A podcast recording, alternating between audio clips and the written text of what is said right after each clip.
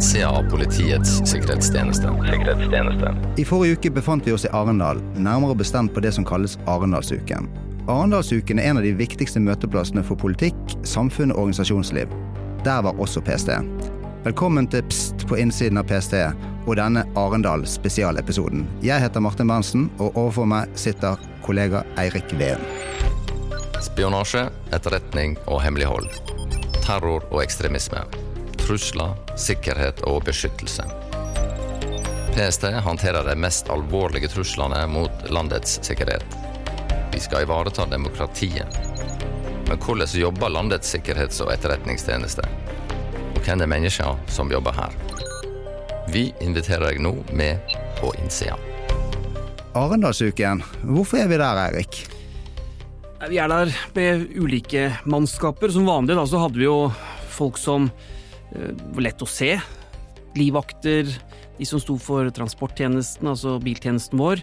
Og deres oppgave er jo å beskytte myndighetspersoner, politikere, altså folk som er på Arendalsuken, og de er ganske lett synlige med skuddsikre vester og mørke dresser og propp i øret og slike ting.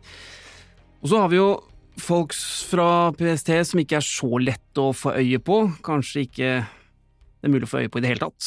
De har jo et litt annet oppdrag. De skal jo følge med på for eksempel det som kan være uønsket eller ja, fiendtlig etterretningsvirksomhet som skjer under Arendalsuken og på, på, lignende arenaer, og deres jobb er jo da å rett og slett følge med på, på det som foregår, og de, de skal jo ikke bli, bli, oppdaget, det er jo eh, noe av oppdraget deres. Og så, i år så gjorde vi også noe nytt. Vi var der med vår kommunikasjonsavdeling, som vi jobber i, Martin, og, og HR-avdelingen, som da skulle være med på å åpne opp tjenesten, åpne opp Politiets eh, sikkerhetstjeneste på Arendalsuka. Vi hadde blant annet en egen stand hvor HR-folkene våre sto, og, og, hvor hvem som helst kunne komme bort og, og stille spørsmål om eh, hvem vi er og hva vi driver med. Ja, vi hadde jo faktisk en ganske sentral plassering på standen vår, og det var relativt mye liv rundt standen gjennom hele uken. Hva var, de, hva var, det de, lurte på når de kom på standen vår? Ja, mange barn og unge kom bort for å delta i litt konkurranser vi hadde og sånn, og så var det jo mange som var borte og, og stilte ja, spørsmål, diskuterte, hadde meninger om, om PST, og, ja, og, og, kom da med, med, med spørsmål om, om, egentlig om alt mulig. Mm. Nei, det var, jeg hørte også det var en del som spurte om de fikk se mappa si. Ja, det, det var det, og da måtte jo svaret være da, eh, at vi eh, vi hadde ikke tatt med oss hele arkivet ned, så eh, om det fantes en mappe, så hadde vi den ikke med oss. Men Erik, hvorfor er, det, hvorfor, hvorfor er det viktig at PST er på disse arenaene? Har egentlig PST noe der å gjøre? Vi mener jo det. Vi hadde jo blant annet to egne arrangementer hvor vi hadde et sted så deltok jo da sjef i PST, Beate Gangås, eh, i en diskusjon eller en debatt med, med sjefene for eh, Nasjonal sikkerhetsmyndighet og E-tjenesten, hvor vi snakket om hva er det som truer Norge nå.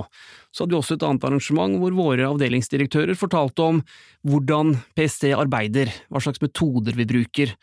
Og eh, vi mener jo at det har en effekt, at det er viktig at PST møter folket på en arena som Arendalsuken og forteller hva vi driver med og hvordan vi jobber.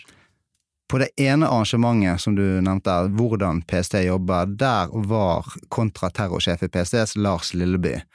Og han fortalte om en helt konkret hendelse som PST opplevde for en, for en stund tilbake. Skal vi høre litt på hva han sa? Et sted i Oslo så sitter det da PST-personell på jobb med en ganske krevende kveld foran seg. Operatører fra PST jobbe på nett for å finne den neste terroristen og stanse det neste terrorangrepet. De jobber dypt inne i ekstremistiske chattegrupper og lukkede nettfora. Brorparten er høyreekstreme. Deltakerne oppfordrer til terror, sprer propaganda og deler de mest effektive måtene å begå massedrap på. Ja, dette høres ikke særlig hyggelig ut, Eirik. Nei, det var ikke det. Nei. Hva tenker du om at vi, vi, drar det ut i offentligheten, det vi, sånn som oss på innsiden, er på en måte mye mer vant til den type situasjoner, og reagerer kanskje ikke så mye på det? Det Lars forteller om her, er jo et reelt oppdrag som ble løst, og eh, et oppdrag som da stanset et mulig terrorangrep eh, mot Norge. Reaksjonene ute blant folk er nok eh, litt delt. Jeg tror noen tenker at det er betryggende å høre at PST fungerer, at tjenesten gjør jobben sin. Så tror jeg også at en del, og det er tilbakemeldingen vi får òg fra noen, at de blir skremt. Må dere virkelig fortelle om det som kan ramme oss, blant annet terror? Og eh, det sprer frykt hos noen, det, det, er, det er, nok sånn det er. Mm. Ja, jeg tror dette arrangementet også ble streamet, så det ligger ute på Arendal sine sider. Ja, det gjør det. Ja, det gjør det. Vi hadde jo med oss opptaksutstyr ned til Arendal da vi dro helgen før, og vi hadde også med oss eh, kollega Ola Niemann, som eh, fikk gjort noen opptak mens vi var der gjennom hele uken. Så Ola var på en måte vår utegående reporter som møtte flere av oss på innsiden. Mm. Og han eh, snakket jo med, med flere av lederne våre på stand. Han snakket med, med, mange av de vi hadde med oss nedover, og fikk de til å fortelle om eh, hva PST gjør og, og oppdrag vi utfører. Ja, Ola snakket blant annet, det var vel første dagen vi var der nede, han snakket med PSTs Helge Mehus, han er direktør for beskyttelse av myndighetspersoner, som altså er ansvarlig for politikernes livvakter, kongefamilien, biltjenesten. Og biltjenesten er altså de som kjører rundt på eh, politikere eh, rundt omkring der hvor de skal. Og Helga hadde jo mange folk i sving der nede selv også. Ja, Han var vel kanskje en av de som hadde flest folk i sving. Absolutt. Ja. Skal vi høre på hva han sa til Ola? Ja, det er Vi er her for å støtte eh, Agder politidistrikt i avvikling av arrangementet. Og vi har jo hovedfokus på beskyttelse av de myndighetspersonene som er til stede her på Arendalsuka. Så vi er her. Kan du si litt om hvordan livvaktene generelt jobber? Ja, eh, livvaktene er jo eh, altså Hovedoppgaven til livvaktene er jo å jobbe på en sånn måte at eh, våre folkevalgte får gjort jobben sin på en mest mulig effektiv måte. Det vil jo si at vi må tilpasse oss eh, sitt program. Vi må tilpasse oss også eh, politikerne sitt, eh, sin måte å jobbe på. samtidig som vi, vi gjør dette, dette innøvde prinsipp på, på, med det planverket som vi har i bånn. Så vi har, vi har ulike måter vi kan tilnærme oss det på. Alt dette hva konteksten krever. Hvor utfordrende eller komplekst er dette for, for livvaktene å ha oversikt over og, og, og, og gjøre en god jobb her? Nei, Det er klart det er eh, krevende. Det er mye folk samla på et veldig begrenset areal. Så det er klart at det er eh, utfordrende å kunne få med seg eh, holde oversikten hele tida.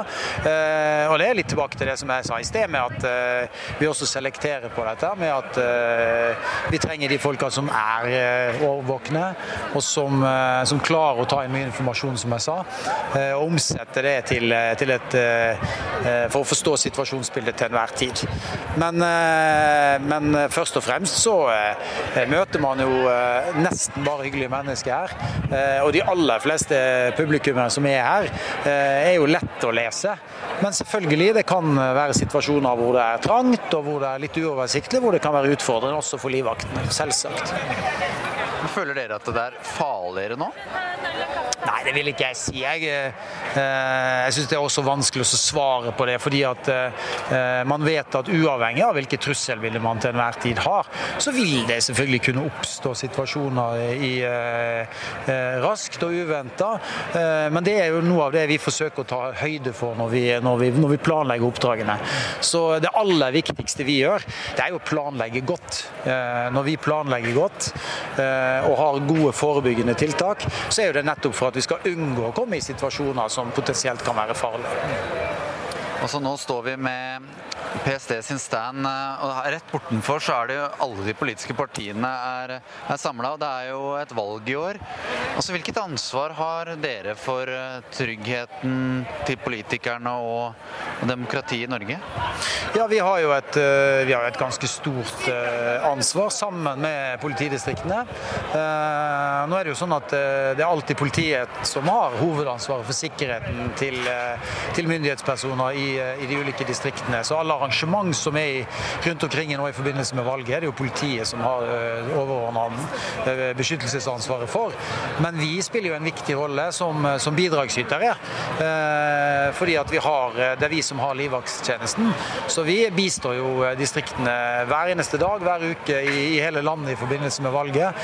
For å hjelpe de med, med en sikker avvikling av arrangementene når vi følger myndighetspersonene rundt omkring.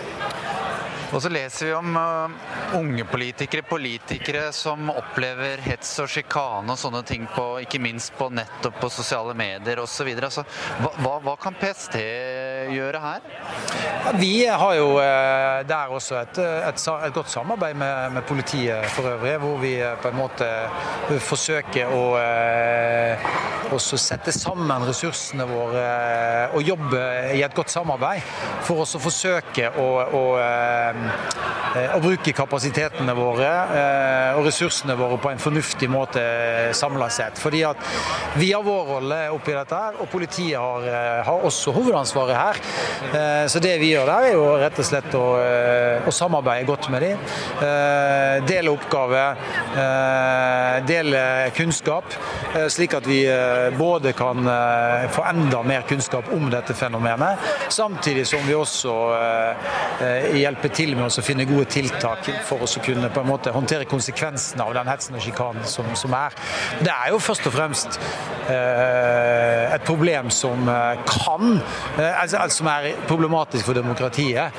Eh, når eh, man ser, har sett eksempel på at, eh, at, politikere ikke lenger ønsker å være i politikken fordi at man, man opplever såpass mye hets og sjikane som, som, som det man har sett eksempel på. Det er alltid så deilig å sende ut drammensere som feltreportere, for da får du gode, folkelige spørsmål, og så får du ærlige svar. Ja, kanskje litt støyende.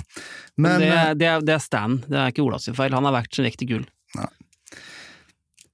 Enig i det, Eirik. så snakker han reint. ja, nå får dere høre litt bergens her. Ja, sjef PST Beate Gangås satt jo eh, i et panel i Arendal der det blant annet eh, der hun møtte en lokalpolitiker som var utsatt for trusler og sjikane.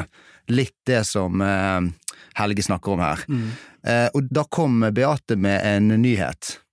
Ja, hun ønsker jo nå at PST i større grad skal jobbe med denne problemstillingen, som går da på hets og sjikane mot lokalpolitikere, og også i forbindelse med kommunevalget som, som står foran oss nå. Og det betyr jo kanskje i praksis at dersom du truer en politiker, enten på nett eller på andre måter, så må du rett og slett risikere at du får PST på døren. Mm. For dette er blitt et uh, samfunnsproblem, altså et, uh, en trussel mot demokratiet vårt, rett og slett.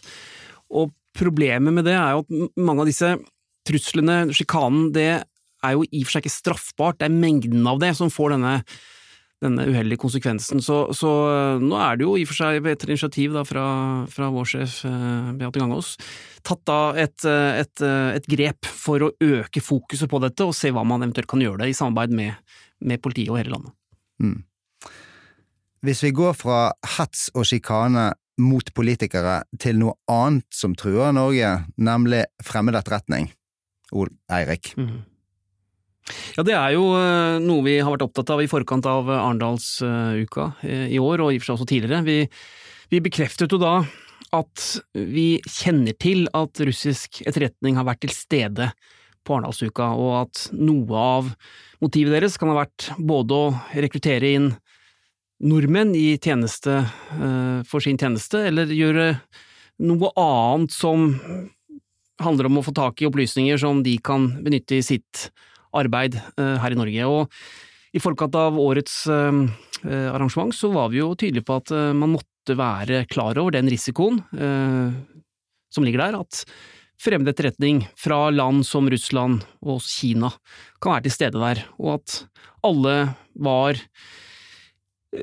aktsomme, fulgte med på, på ting rundt seg som, som kunne indikere at, at slik virksomhet foregikk. Og da var det heller ikke helt unaturlig at Dag Røhjell, rådgiver på kontraetterretningsavdelingen, tok turen ned til Arendal, og selvsagt møtte vår utegående reporter Ola. Og da er første spørsmål, nå er vi her på Arendalsuka, er det spioner iblant oss? Det kan jeg ikke kommentere sånn direkte, men det er grunn til å anta det. Eh, det handler jo om at Arendalsuka er en viktig nasjonal happening og hub for politikk, næringsliv, Eh, samfunnsvitenskap, utvikling, eh, akademia. Mye som foregår her som er av interesse for fremmede stater. og Da er det nærliggende å tro at noen vil kunne sende etterretningsoffiserer for da å innhente opplysninger eh, her, eller forsøke å rekruttere nye kilder, eller kartlegge hvem som kan kanskje være interessant for da andre, andre land. Hvordan er det de jobber da der? Hvordan klarer dere dem å få, få disse hemmelighetene ut av folk? Det klarer de ved å på en måte starte en relasjon, eller skape en relasjon. altså Det som vi kaller kultivering da, på fag, fagspråket. Eh, og Det handler egentlig om å være fysisk til stede her. Eh, enten ha klare mål eller klare oppfatninger av hvem du skal oppsøke, hvem du skal snakke med, hvem du skal kontakte. Eller at man er mer opportunistisk og kanskje er på byen, er på en eh, pub, tar et glass, og så ser man andre som kanskje også er der, som er interessante eller som jobber i bestemte bedrifter, som man da tar kontakt med, starter å prate med Eh, utveksle telefonnummer. Eh, sier at eh, jo, vil gjerne snakke mer med deg, kan vi møtes over lunsj? Eller utveksles e-postadresser. Så det er egentlig vanlig kontaktskapende virksomhet de driver med, men da ut ifra andre motiv, andre hensikter enn det å måte, diskutere politikk, diskutere næringsliv, det å kanskje ha noe felles prosjekt. Frister de da med noe, eller prøver de å overtale, eller lurer de, eller er det litt av alt sammen? Det er nok en sånn salig eh, blanding. Jeg tror innledningsvis så vil det ofte handle om å bare komme i gang. Altså få et nytt møte, eh, få en e-postkonto. Eh, man kan gjerne spandere et glass eller to for å være hyggelig og være grei, uten at det skaper et sånn avhengighetsforhold. Men på sikt så vil de prøve å ikke nødvendigvis lure, men i hvert fall bearbeide målpersonen, som vi kan benevne det sånn, eh, på en slik måte at den vil fortsette å, møte, og kanskje også ta imot gaver, ta imot oppmerksomhet, ta imot eh, påskjønnelser, for å skape et avhengighetsforhold som da kan utnyttes på sikt. Men starten så vil det ofte være egentlig bare å slå av en prat, sånn som vi gjør nå, for så vidt. Men hvis man blir utsatt for dette, da, er det, er det farlig, eller er det, eller er det ulovlig det de gjør? For å svare på det første, så er det ikke aldri farlig eller uh, feil å snakke med folk. Uh, uansett, holdt jeg på å si. Uh, men der man tenker at her skurrer det litt, her er noe som ikke stemmer. Personen virker kanskje mer interessert i opplysninger om sjefen din, om lønna di, om familien din, om hvordan du har det sånn sosialt.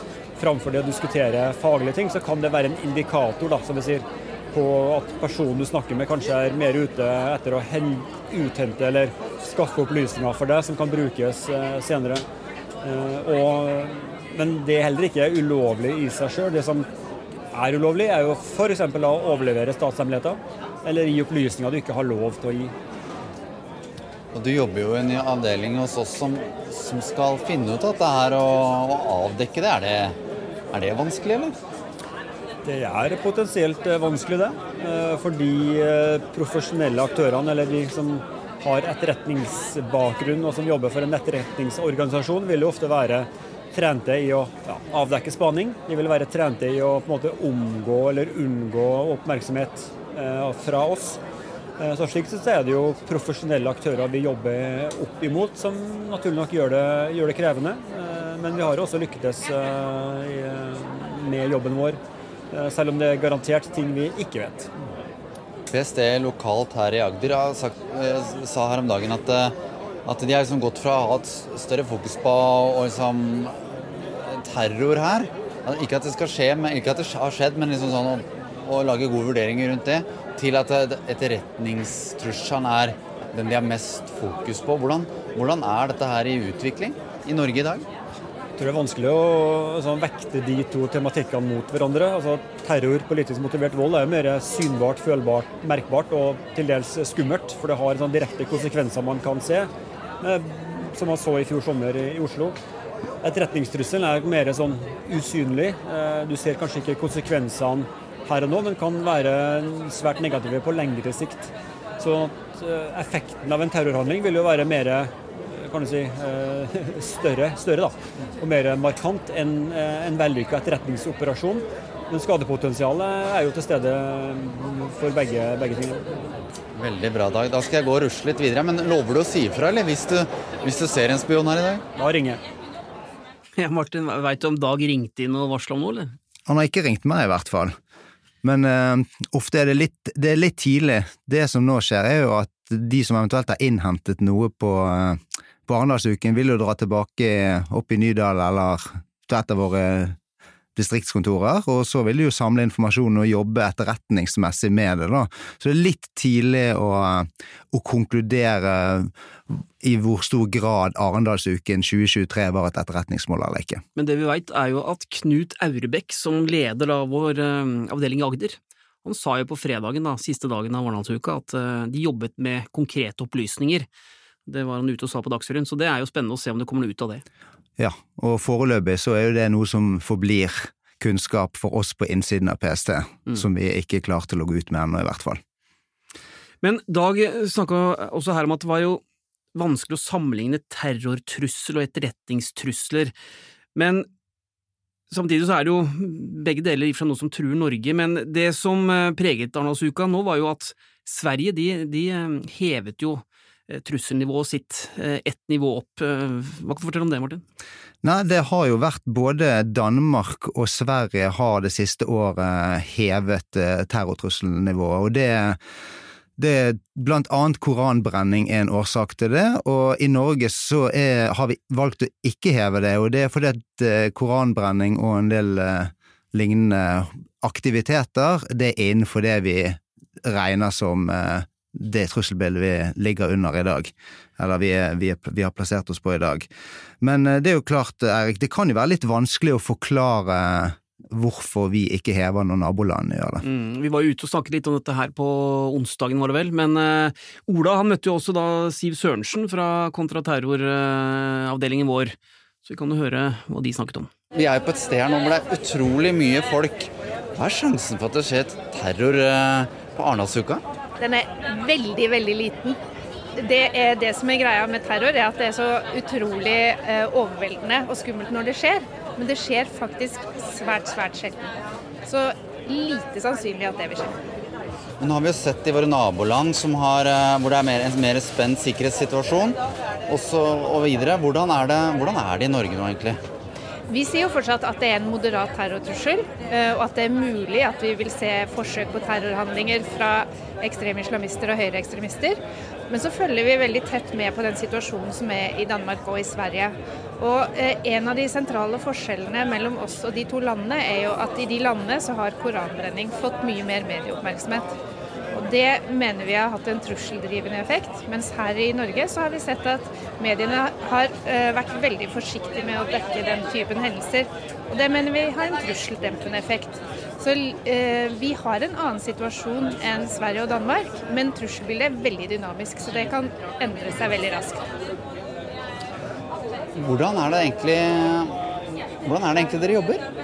Eh, vi jobber på en måte med innsamling, eller å sammenstille informasjon som hele PST samler inn. Og så jobber vi med å følge med på utvikling og drivkrefter både internasjonalt og nasjonalt. Så vi prøver å bli kloke på hva som påvirker ekstremisme og radikalisering, og hvilke drivkrefter er det som eh, påvirker trusselbildet nå. Og det vil være på en måte hva, hva, slags, eh, hva som trigger ekstremister, både enkeltpersoner og også terrororganisasjoner. Hva det er som mobiliserer de til å f.eks. komme med eh, oppfordringer til terror og politisk motivert vold. Og så har det vært mye omtale om den terrorhendelsen som skjedde i fjor, og som har blitt vurdert og det har også blitt sagt uh, at det gjør grep i PST. Altså, Du som jobber med dette hver dag, ser du noen forandring i arbeidshverdagen? eller? Ja, absolutt. Uh, mange, mange, grep er jo ikke synlige for de utenfor, men det handler litt om hvordan vi jobber metodisk. Nå er det sånn at vi jobber etterretningsbasert. Og etterretning er et eget fag og en egen metode som kanskje er vanskelig å formidle ut. Men gjennom metodikken vår, men også gjennom strukturelle endringer vi gjør, så kan vi jobbe mye mer spissa opp mot det vi mener er riktig og viktig å prioritere. Så ja, jeg opplever i alle fall for min del at jeg ser endringer i hvordan vi nærmer oss utfordringene våre. Kanskje ikke du har fått uh, høre noe om denne, men opplever, har du fått noen indikasjoner på om folk føler at terskelen for kontakt PST er som den burde, eller om de syns det er vanskelig, eller ja, Har du fått, fått noen tips i det? Jeg har bare fått tilbakemelding på at folk syns det er veldig ålreit at vi er her, og at eh, de opplever det som positivt at de bare kan komme og snakke med oss uten videre. Og kanskje at de ser at vi er folk. Vi er helt vanlige folk. Vi er mennesker som jobber for å beskytte mennesker. Det er samfunnsoppdraget vårt. Ja, Eirik, da har vi iallfall endelig fått bekreftet at vi to også er vanlige folk. Ja, det, det har jeg venta på. Det var deilig å høre, egentlig. Men vi er også veldig glad i hverandre, Martin. Det må vi også få med her, da. Vi delte jo faktisk seng i huset vi bodde i under Arendalsuka. Så der ble vi jo godt kjent. Ja, Men du endte jo opp på sofaen til slutt. det var, jeg hadde ikke noe valg. Men uh, la oss gå litt videre her. Um, vi har jo snakket tidligere om, om uh, at vi også hadde mannskaper under Arendalsuka som går for å være de mest hemmelige vi har, de mest uh, skjermede. hva kan du fortelle om dem? Nei, altså de er jo ikke spesielt glad i å bli intervjuet, i hvert fall. Nei.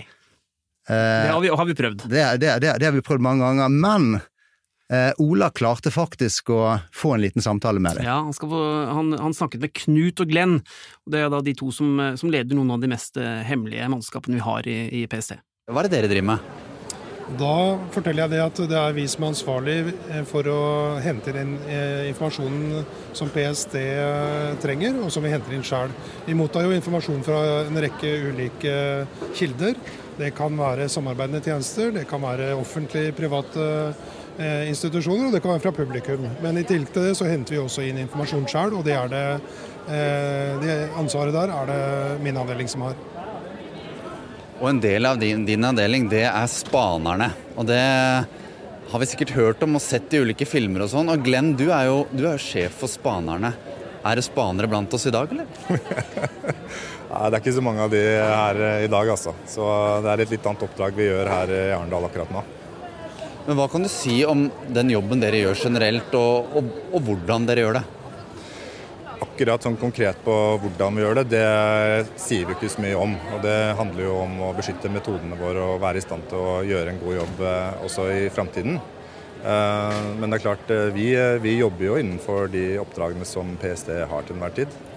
Og bruker masse krefter på det. Og som nevnt, Dere jobber jo med å innhente informasjon som PST trenger for å løse saker, for å ta ned saker og, og, og videre, etterforske saker. Det er jo et veldig stort spenn i det arbeidet, og mange ulike ekspertiser og sånt. Men, men uh, går det an å si noe om kompleksiteten i, i det arbeidet? Hva, hva, som kreves for å gjøre det på en god måte? Um, det krever en rekke ulike spesialkompetanser. Alt fra Eh, taktisk, eh, taktisk eh, kompetanse, teknologisk, språk, data, digital osv. osv. En rekke ulike kompetanser som vi må bruke i samhandling for å løse de oppgavene vi har. Så folka dine Glenn, de kan ikke gjøre akkurat som de vil? De kan ikke gjøre akkurat uh, som de vil. Vi er jo uh, veldig regulert. Uh, det ene siden går jo på disse lovfestede metodene våre der vi følger straffeprosessloven Eh, på lik linje med, resten av eh, justissektoren. Eh, og så har vi noe ulovfestet også, som vi også har klare skranker og regler for hvordan vi kan bruke og ikke. Så til slutt et felles spørsmål til dere begge. Hva er det mest utfordrende i deres avdelingsarbeid og i det samfunnet vi står i? Jeg tenker Det er jo, det er flere utfordringer, men kanskje den største utfordringen i dag det er Eh, den teknologiske utviklingen, altså hvor raskt den går. Eh, for, for oss er det helt, eh, helt, sentralt at metodene vi bruker er relevante. En metode som fungerte godt for et år siden, kan kanskje ikke fungere i dag i det hele tatt og være gått ut på dato. Så det å henge med på den teknologiske utviklingen, stadig fornye metoder, verktøy, regelverk, kompetanse, er utrolig krevende. Og det er også veldig dyrt. Det krever store investeringer, og det er, eh, det er vi helt avhengig av å hva skal si, få, få gehør for, eh, for å kunne ivareta det samfunnsoppdraget som PST har. Vil du, Siljen, er det de dere spaner på, er dere foran eller bak dere i utviklingen? Det kommer nok litt an på eh, hvem vi snakker om, og øyet som ser, og hvem du spør. Så ja, jeg tror ikke jeg skal være noe mer presis enn akkurat det. Men man skal være ganske dyktig for å klare seg unna hvis dere har bestemt dere? Ja, vi har, eh, vi har veldig flinke folk. Vi har det, altså. ja, det var eh, Knut og Glenn som jobber med innhenting. Det er Erik, det var litt vanskelig å få de til å konkretisere arbeidsoppgavene sine. Ja da, de eh, holder jo kortene skjult, og det må de også, for det er klart, hvis de forteller mye om, eller for mye om metodene sine, så, så gir de jo også, kall det motstanderne, da, et, et fortrinn, og det må de jo unngå. Ja. Men Erik, du har drevet med en del eh, research de siste månedene her i PST. Ja, sammen med i og for seg Ola, vår feltreporter, så har vi dratt ut da, i, i felten sammen med spanerne. Vi har fulgt dem eh, ute under øvelser og, og hvordan de har forberedt oppdragene sine, og også vært med ut på oppdrag. Og det er um, en spennende podkastepisode som da er nå under produksjon og som kommer kanskje om noen dager, kanskje om et par uker. Men det vil gi et ganske unikt innblikk i et miljø som de færreste kjenner til. Vi kan i hvert fall love at uh, vi skal prøve å få det til i løpet av september. Vi jobber på. Ok, da tror jeg vi takker for i dag. Det gjør vi. Ser du noe, si noe. Men bruk sunn fornuft. Kontakt oss på pst.no.